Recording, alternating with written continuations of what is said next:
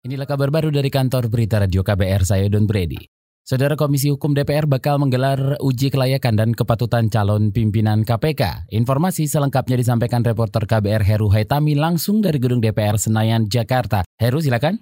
Ya baik Don dan juga saudara saat ini Komisi Bidang Hukum Dewan Perwakilan Rakyat menggelar rapat dengar pendapat umum atau RDPU bersama panitia seleksi calon pimpinan Komisi Pemberantasan Korupsi atau Pansel Capim KPK. Pada agenda rapat ini DPR akan mendengarkan penjelasan dari Pansel Capim KPK atas 10 capim yang terpilih melalui tahapan seleksi. Selain itu, rapat yang juga merupakan serangkaian dari uji kepatutan dan kelayakan capim KPK ini nantinya akan mempertanyakan hasil dari profile assessment atau tes kepribadian calon pimpinan. Selain RDPU, serangkaian uji kepatutan dan kelayakan juga akan dimulai dengan tahapan seleksi pembuatan makalah oleh Capim KPK yang akan berlangsung pada siang ini pukul 14 waktu Indonesia bagian Barat. Saudara tahapan uji kepatutan dan kelayakan ini rencananya akan diselenggarakan pada Rabu 11 September esok.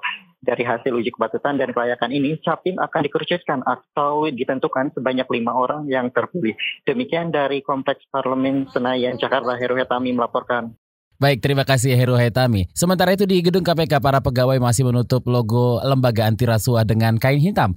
Hal ini sebagai bentuk protes atas berbagai upaya pelemahan terhadap KPK. Untuk mengetahui situasi terkini, kita sudah terhubung dengan reporter KBR Astri Yuwanasari langsung dari Gedung KPK Jakarta. Astri. Saudara, Senin pagi ini Gedung Merah Putih Komisi Pemberantasan Korupsi masih dihiasi kain hitam yang menutup logo dan tulisan KPK. Hal ini adalah simbol yang dilakukan oleh para pegawai KPK untuk menolak revisi Undang-Undang Nomor 30 Tahun 2002 tentang KPK. Penutupan logo KPK ini dilakukan oleh para pegawai KPK saat aksi pada minggu pagi kemarin. Saat ini saudara juga masih terlihat beberapa karangan bunga di depan gedung KPK dengan tulisan-tulisan penguatan untuk KPK dan sindiran-sindiran yang mat, uh, dan sindiran-sindiran atas matinya jiwa anti korupsi di negeri ini.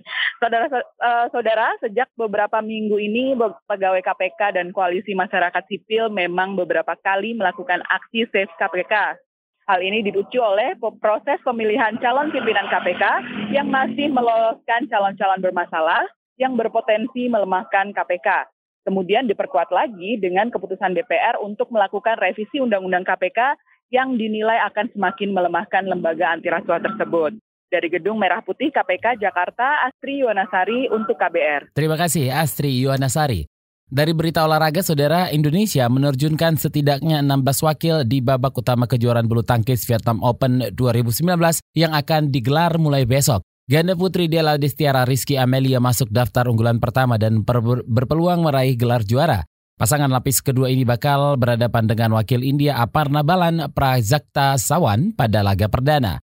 Turnamen Vietnam Open cukup krusial bagi Della Rizky. Pasalnya mereka telah diultimatum pelatih Heng Hian, Eng Hian agar segera berprestasi atau dicabut SK prioritasnya. Sikap tegas tersebut terpaksa diambil PBSI lantaran hingga kini ganda putri belum mampu melahirkan pasangan yang setara dengan Gracia Poli Apriani Rahayu. Demikian kabar baru dari kantor Berita Radio KBR, saya Don Brady.